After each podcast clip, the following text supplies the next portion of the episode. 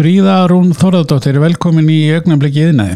Já, þakka þið fyrir, Kjalla. Gaman að fá að koma og spjalla. Já, það, það er við hérna erum allir maður forvitnast og tala svolítið eh, meira um hérna, fæðu ónami og fæðu og óþól og, og allt sem að því tengist en eh, fyrst ætlum við aðeins að fá að vita um Fríðu, þú ert næringafræðingur að menta, eða ekki rétt hjá mér? Já, ég er næringafræðingur, uh, ég mentaði mig í bandaríkjunum samhliða hlaupaferlinum sem ég átti þar. Já, Ég fór þangað árið 1990 bara strax eftir mentaskóla ok, og var þar í sex ár að, að öðlast mína mentun og, og stunda mín hlaup og það allt saman.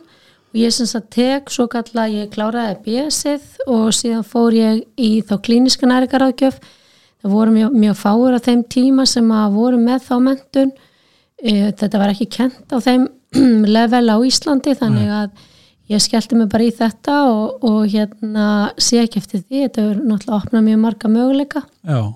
Og passa líka kannski við hlaupaferilin, næringafræðingin, Já. og já. Sannarlega, ég ætlaði mér reyndar að verða sjúkraþjálfari en svo, svo, svo var ég svo ofsalega heppin um, líklega þriði árum mitt í mentaskóla ég var í svona valfægi um, svona matvala tengdu valfægi í skólanum og kennarinn var svo ofsalega skemmtilegur og áhuga samur og setti þetta fram og svo skemmtilega og fjölbreyttan hátt Ok, og það bara gjössalega kveikt í mér og mér varst þetta mjög áhugavert allt saman sem að þessu tengdist. Ég hafði reynda mikið áhuga á matálafræði og ég upphafa ætlaði að taka BS í næringafræði og fara svo í matálafræði en mér var rálagt að að taka klínisku nærgaráðgjöfina og fara að vinna á spítala sem ég er búin að rauninni gera síðan 96 hef ég unnið á landspítalanum.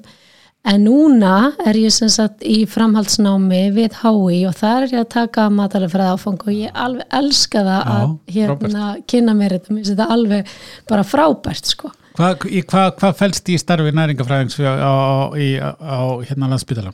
Sko það getur verið tvennskonar, sko það eru þessir klínisku næringaraðgjafar sem að fara á deildirnar og hitta sjúklingana, taka þátt í rapportfundum og, og vega og meta hvert sjúkling fyrir sig og eh, hitta sjúklingin einsunni tvis og þrísvar eftir því hvað hann er lengi innileikjandi, fylgjónum eftir þar, e, samskipt náttúrulega, samskipti við þá aðila sem að sinna sjúklingnum á deildinni en svo líka samskipti veldús og þau geta verið óskup einföld, þau geta verið skráning á fæði hvort sem það er blóðskilunar fæði eða prótinskert eða ofnæmisfæði inn í kerfið eitthvað svona sem er bara mjög simpult vegna þess að svo fer beinin bara inn í, inn í vist ferðlinan eldúsins Já, já, já. eða að þetta þarf að vera flóknara og það þarf að tala við eldúsið eða skrifa þeim ítarlegan tölvupóst og svo jafnvel að fylgja eftir með símtali ef það eru mörg svona atriði sem þarf að hafa í huga og líka það að vera að prófa sig áfram með eitthvað. Já, já, já. Það er ekki bara eitthvað staðlað heldur við þurfum að gera þetta svona á hinsegin að fá mauka græmiti en það vil alls ekki mauka kjöt en kjötið þarf að vera mjúkt það þarf að vera mikil sósa og getur ekki borðað gulrætur því þá eitthvað. Þú veist, það er alls konar svona hlutir sem sem að þarf að vinna og þetta er náttúrulega bara að vinna á spítala og öllum svona sjúkrastofnunum og hjúknheim, þetta er náttúrulega svo mikið bara að vinna með einstaklingnum á hans forsendum og, og reyna að gera sem allra best fyrir viðkomandi til þess að hann nái bata sem fyrst og til að auka lífsgæðin. Svo líka bara þetta að þegar sjúklingurinn svo útskrifast hvort sem hann fer heim eða fer á næsta stað að þá fylgi þær leiðbeiningar sem að, sem að unni var með inni á, inn á sjúkrastofnunni. Svo hægt sé að byggja ofan á þær. En náttúrulega ef að fólk er búið að jafna sig þá náttúrulega þarf þess ekki. En oft er fólk bara þarf það að hafa meira eftirfylgni og, og líka fyrir aðstandendur og, og væntanlega umönnaraðila hafa góður upplýsingar um Já. sjúklingin og ég er mikinn áhuga á þessu, þessu málefnum ég veist að þetta sé eitthvað sem við getum sannlega bætt og breytt. Eh, Varandi ánæmis og, og, og hérna, óþólsvalda, hva, hvernig, hvernig, uh, hvað segir, hvernig lítur þetta út í dag? Ég meina, er, það er að aukast, uh, er það ekki að fólk er, er með ánæmi eða óþól? Hvernig er, hvernig er staðan bara í rauninni? Sko það, við erum nú ekki með eitthvað gríðarlega miklar tölur eh, og eða skiptingu á hinum og þessum ánæmisvöldum og núna erum við náttúrulega bara að tala um fæðaofnami hér. En í, það eru náttúrulega tölur sem að sem að sem sagt, bera saman eh, fyrir 1960 og síðan hvernig þrónun hefur verið fram til 2018 og fyrir 1960 þá voru ekki nema svona kannski 2% sem að töldu sig 3% fyrir ekki sem að töldu sig vera með eigilegt fæðaofnum eða verið greindir. en núna erum við komin upp í 7% þannig að það er náttúrulega búin að vera mikil þróun á þessu og, eða tildekinn breyting á þessu, þessari tíðinni, já. Já, og, og líka kannski hérna bara við að verða svona meðvitaður um stöðuna á okkur sjálfum að því að með auknum upplýsingaflæði og slíkt að, að, að það sé möguleikja við séum með eitthvað skonar óþálega ánæmi. Er það ekki? Jú, sannlega og það er auðvitað að kannski einhverja þjást af óþægindum í meldingavegi en hugsaði svo kannski ekki sérstaklega mikið út í það, bara illt í maganum. Já. En núna er fólk bara svona sæknara í það að fá, fá lausn á sínum málum og, og svona það að leita til næringafræðings er í rauninni bara ekkert floknara eða verra eða erfiðara heldur en að fara til tannleiknist. Þetta er Nei, bara í rauninni bara heilbriði stjónusta sem að fólk ætti endilega að nýta sér vegna, og ég er ekki þannig að auðvisa stjættin, þetta er í rauninni bara jú, þetta er þess að stjættina en þetta, þetta er rauninni bara þú veist, eðlilegt, en mörgum fyrst gríðarlega erfitt að þurfa að hitta einhvern ókunnugan aðila mm. og segja hann hvað hann borðar eða hvernig já, hann já, hagar, hvernig hann smatar minnstur er. Já. og þetta er ótt bara það sem fólki finnst gríðarlega erfitt. Það er, það er bara auðveldra að fara til læknu og segja, hérna, ég með kvef. Þá farið bara kannski töflur við því og máli dögt sko svo miklar upplýsingum, svo mjög personlegt því maturinn okkar við höfum all tiltekna skoðanir á mat ja. og hvað við viljum borða og hvena er og, og allt þetta veist, sumir, sumir náttúrulega bara lifa til að borða en aðrir borða til að lifa ja, veist, ja, það, er, það er svolítið þannig sko. Við erum náttúrulega mörg hver bara alveg uppi í því að þú borða það sem er sett fyrir framæði líka. Já, sannlega Saman hvað það er. Það er, heyri þetta svolítið þegar maður fær fólk til sín að, að þú veist það var bara sett á diskinu og þú bara borðar þetta. Já, og, og þetta er líka pínu, sko við hugsaum oft um þetta þegar við sem erum í, sko, erum að sinna eldri kynnslóðinni. Já. Að þau náttúrulega voru sum hver alinu upp við að hafa lítið til nýfs og skeiðar og þurftu þar að leiðandi bara að nýta alltaf það mat sem að var til Já, þannig að það að leifa mat er bara hræðilegt í þeirra augum Já. og það að fá stóran matarskamt á diski sinn er oft bara mikið turn off á mm. slæmri íslensku mm. fólk bara missi matalistina mm. og þess vegna höfum við líka verið að vinna með smarri mataskamta inn á spítalanum en verða orku þjætta matinn þá með meiri fytu og og setja inn, inn aukinn prótein án þess að, að hafa, hafa mikið á disknum. Já, en hvernig er eh, eins og með þessu ánæmisvalda og þetta, hvað, veist, hvaða eins og á svona stórum stað eins og á, á hérna, landsbytalanum, hvernig er ekki einhverja reglu sem gilda eh, um mat sem kemur inn frá byrgjum og slikt? Jú, sannlega, við þurfum að hafa þetta allt sem mann mjög vel skráð og byrgjarnir náttúrulega eru með vist gæðakerfi sem að þeir þurfa að, að fylgja uh, segjum að einhversi að framlega sérstaklega fyrir okkur. Mm -hmm. að þá náttúrulega verður innihaldslýsing alveg frá aðtilu að líka fyrir og einni mæling á næringagildi og þá ósku við eftir sem sagt uh, hérna orgu kolvetnum, próteinum og fytu í grömmum og síðan þá salti eða natrium. Og við setjum þetta inn í sérstakt kerfi sem heldur utanum allar, allar okkar fæðutegundir ef að fyrirtæki síðan ákveður að breyta uppskriftinni Já. þetta er náttúrulega bara uppskrift Já. að þá þurfa þær að láta okkur vita fyrirfram þeir mega ekki framleiða vöruna og senda svo blað með henn og segja hérna þetta er sendingi sem er pöntuð fyrir morgundaginn og þetta er innihaldslýsingin eða nærikakildi þetta er ekki, þú veist, það má ekki gera, gera þetta þannig, nei, þú verður að láta vita fyrirfram og þú sérst að fara að breyta vegna þess að við þurfum alltaf að skipulegja daginn áður.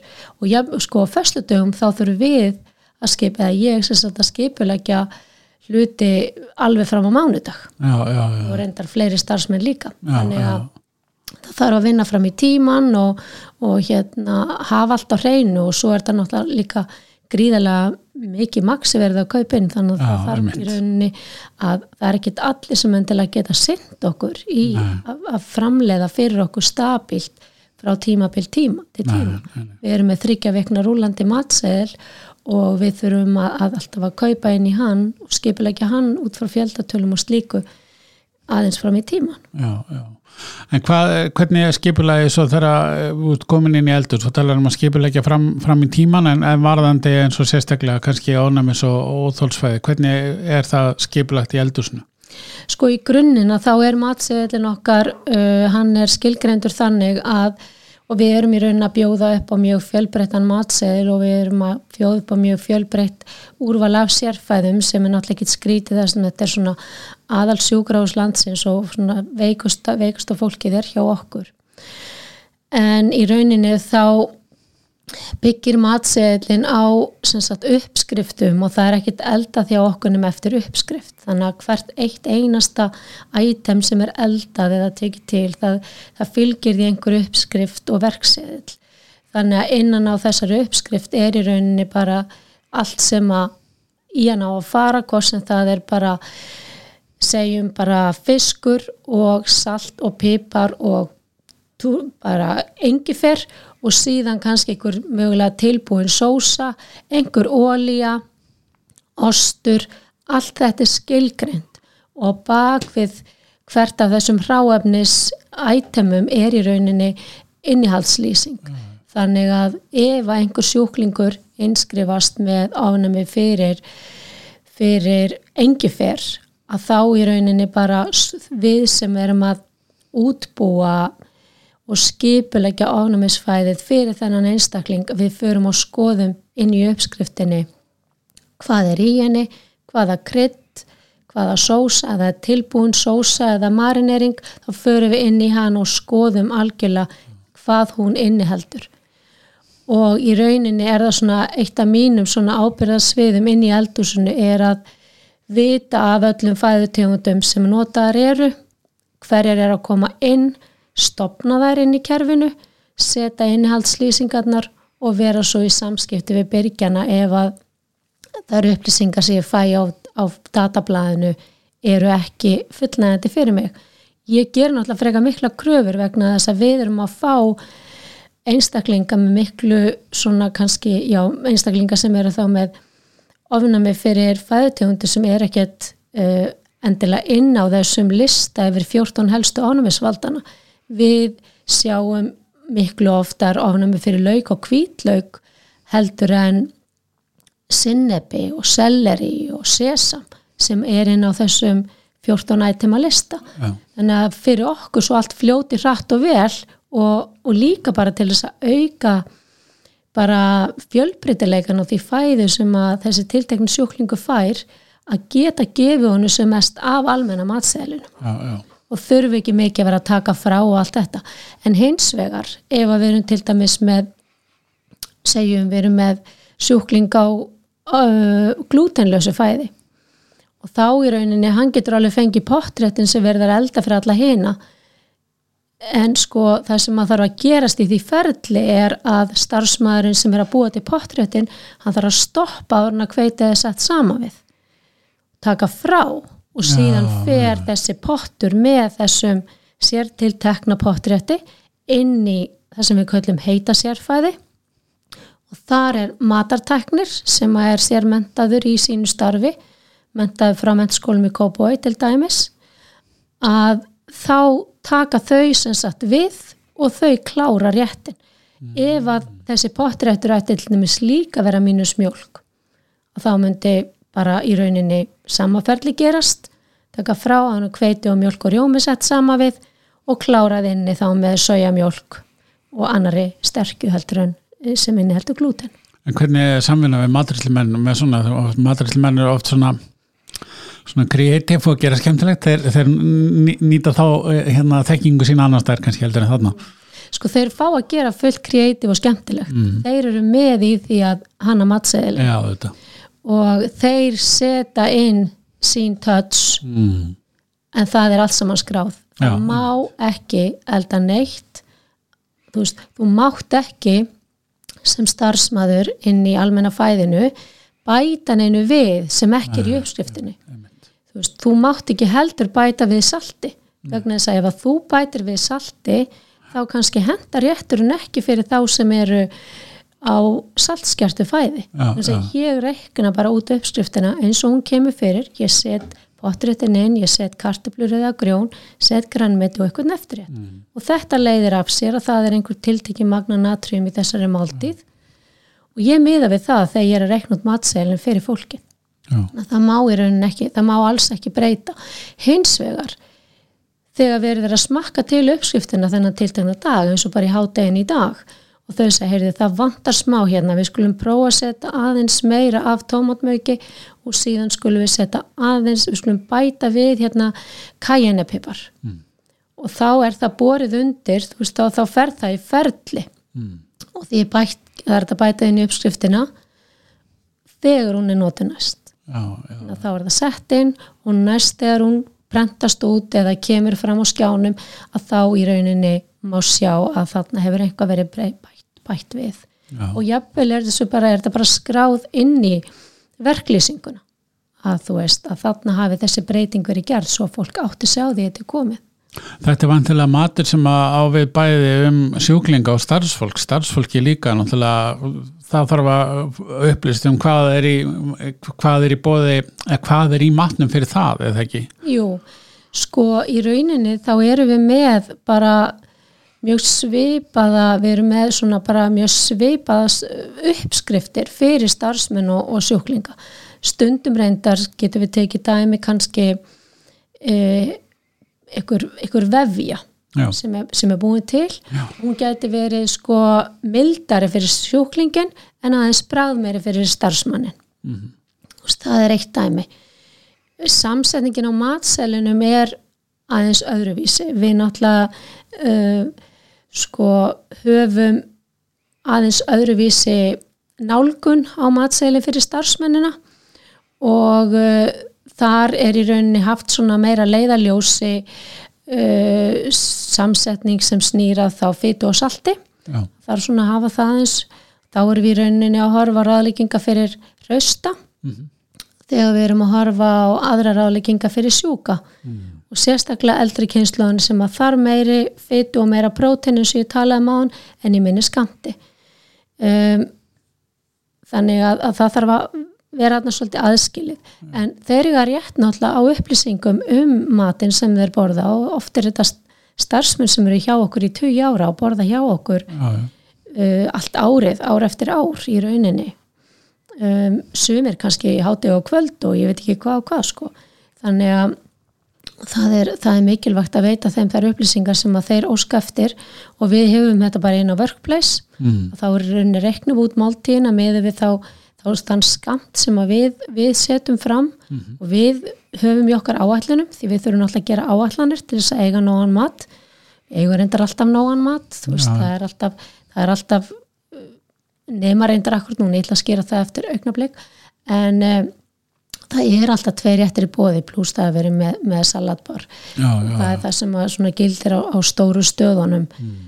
Það sem eru, eru hérna eins og fósfói og ringbraut þá þá er náttúrulega svona salat bara með alls konar lús heiti, heitur réttir og súpa og alls konar. Þannig að það er fullt af, fullt af góða mat sem er í bóði já, en núna náttúrulega þá eru breyttar aðstæð við getum ekki haft bara frí fljótandi Nei. starfsmenn innum, innum inn á milli allstaðar inn í matsölunum að ná sér í og svona þannig að við erum að skamta núna í, í hérna í bakka og selja fólki Já. þannig að það er svona aðeins leðilegt tímabil núna en annars þá bara hefur starfsfólki bara kosta að velja sér og, og hérna bara kemur rosalega vel út mikil, mikil ánægja með það Sko, innihaldslýsingar á mat. Já. Nú hérna ætla ég að tala bara frá mínu eigin brjósti, að því að ég hérna byrja, í byrjun þess ás á ákvæði það að ég ætla ekki bara að kvítan sigur. Það er nánast orðið bara að regla heimja mér ef ég er að fara að kaupa eitthvað sem ég þekki ekki að ég þarf að rétta koninu og spyrja að byrja hann að lesa því ég botna ekkit í hvað stendur á umbúðanum. mm. Hvernig er að fyrir fólk með helstu ánæmisvalda og fyrir kannski ef ég ætla að bjóða einhvern með mat og slíkt, hvernig að lesa utan á umbúðir, hvað er, er hann að fara á námskeið? Sko það er, það er náttúrulega sko þetta getur verið trikki sko. Já, en svona í grunninn og það sem er í rauninni bara samkvæmt reglu gerðin í dag að þá þarf að vera upplýsingar um innihald á matvælum á íslensku og eh, helstu ofnæmisvaldarnir, það er þess að 14 helstu ofnæmisvaldarnir þurfa að vera feitletraðir eða í hástöfum á innihaldslýsingunni. Og þessi, þessar upplýsingar eða þetta upplýsingaflæði hefur stór batnað núna bara á undarförnum árum Hins vegar er stundum svolítið vesen ef að til dæmis eh, einhver er að þýða innihaldslýsing og hann rugglast eitthvað eða hann skilur ekki eða eitthvað og setur eitthvað vittlust. Ég hef alveg hringt í fyrirtæki til þess að benda á svona, svo hefur maður líka stundum bara lélegir miðar sem að, sem að fyrirtækin láta frá sér þeir líma sinn lélega miða yfir til dæmis ennsku þýðinguna þannig að maður þarf að fara að kroppa miðan af ef maður er ósáttur við það sem maður sér á miðanum eða sér ekki mm -hmm. þannig að þetta er gríðalega stór þáttur á fyrirtækjum sem eru að endurmerkja að þeir gera það vel uh, Íslenskar uh, fæðutegundir sem eru framlista hér og eru með bara íslenskar umbúðir að þetta eru auðvitað miklu, miklu betra og það eru auðvitað gott þegar maður kaupir íslenskt Æum. þá hefur maður svo gott flæði bara beint til framlegandans og yfirleitt taka þeir þessu bara mjög vel ef maður er með ábendingur og er bara þakkláttur fyrir að fá aðstofið að gera þetta betra þannig að en innihaldslýsingar per se eru bara settar fram þannig að því sem að, að það sem mest er afkymur fremst og það sem minnst er afkymur aftast já, já, já. þannig að C-vitamin sem er þá bara náttúrulega rótvörd Eh, e-efnin, hver sem þau eru krytti, það er yfirleitt aftast í innhaldslýsingunum já, já.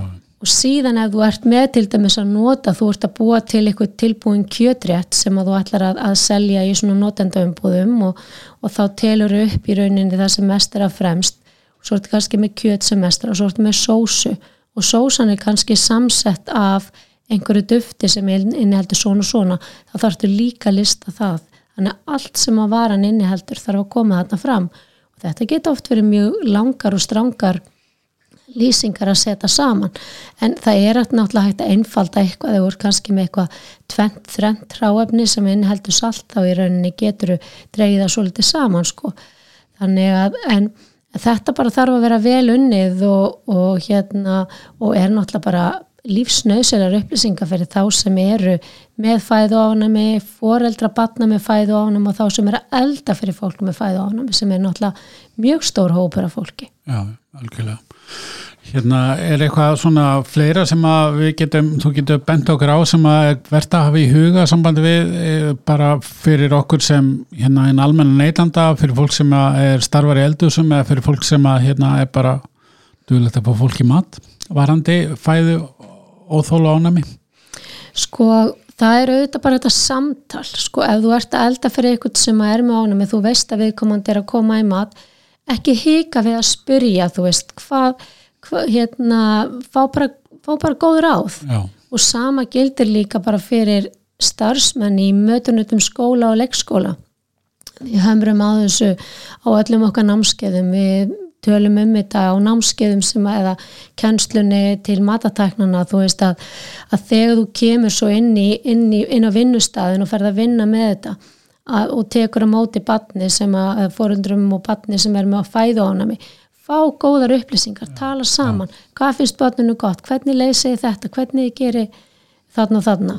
Og við erum eitt hérna á hjá Asma Ánumsfélaginu við uh, unnum með Reykjavíkuborg svo kallar viðprasa áallun sem að finna máin á a.o.a.is er að ná steikunni vinstramæn og þar má í rauninni bara finna svolítið svona bara leiðbenningur með hvernig þú vinnur þetta, hvernig heldur utanum hérna ofnumisbönnin á Já. í skólanum hvernig heldur utanum upplýsingar um foreldrana og síðast en ekki síst ef það kemur slis hvernig vinnur úr því Já. þú verður að tækla það mm. og því er ekki bara að segja ó þetta gerðist bara I'm so sorry mm. þú þart að vinna þetta þannig að þetta kom ekki fyrir aftur það er rosalega mikilvæg þáttur og fólk verður bara að vera opið fyrir því og, og læra og fara að treysta upp á nýtt því að sko börn sem að lenda í svona tilfellum í skólanum ítrekka þau hægt að treysta og þetta fer að vera rosalega erfitt og þetta fer að vera mikil og ótrúlega mikil streyta á heimilum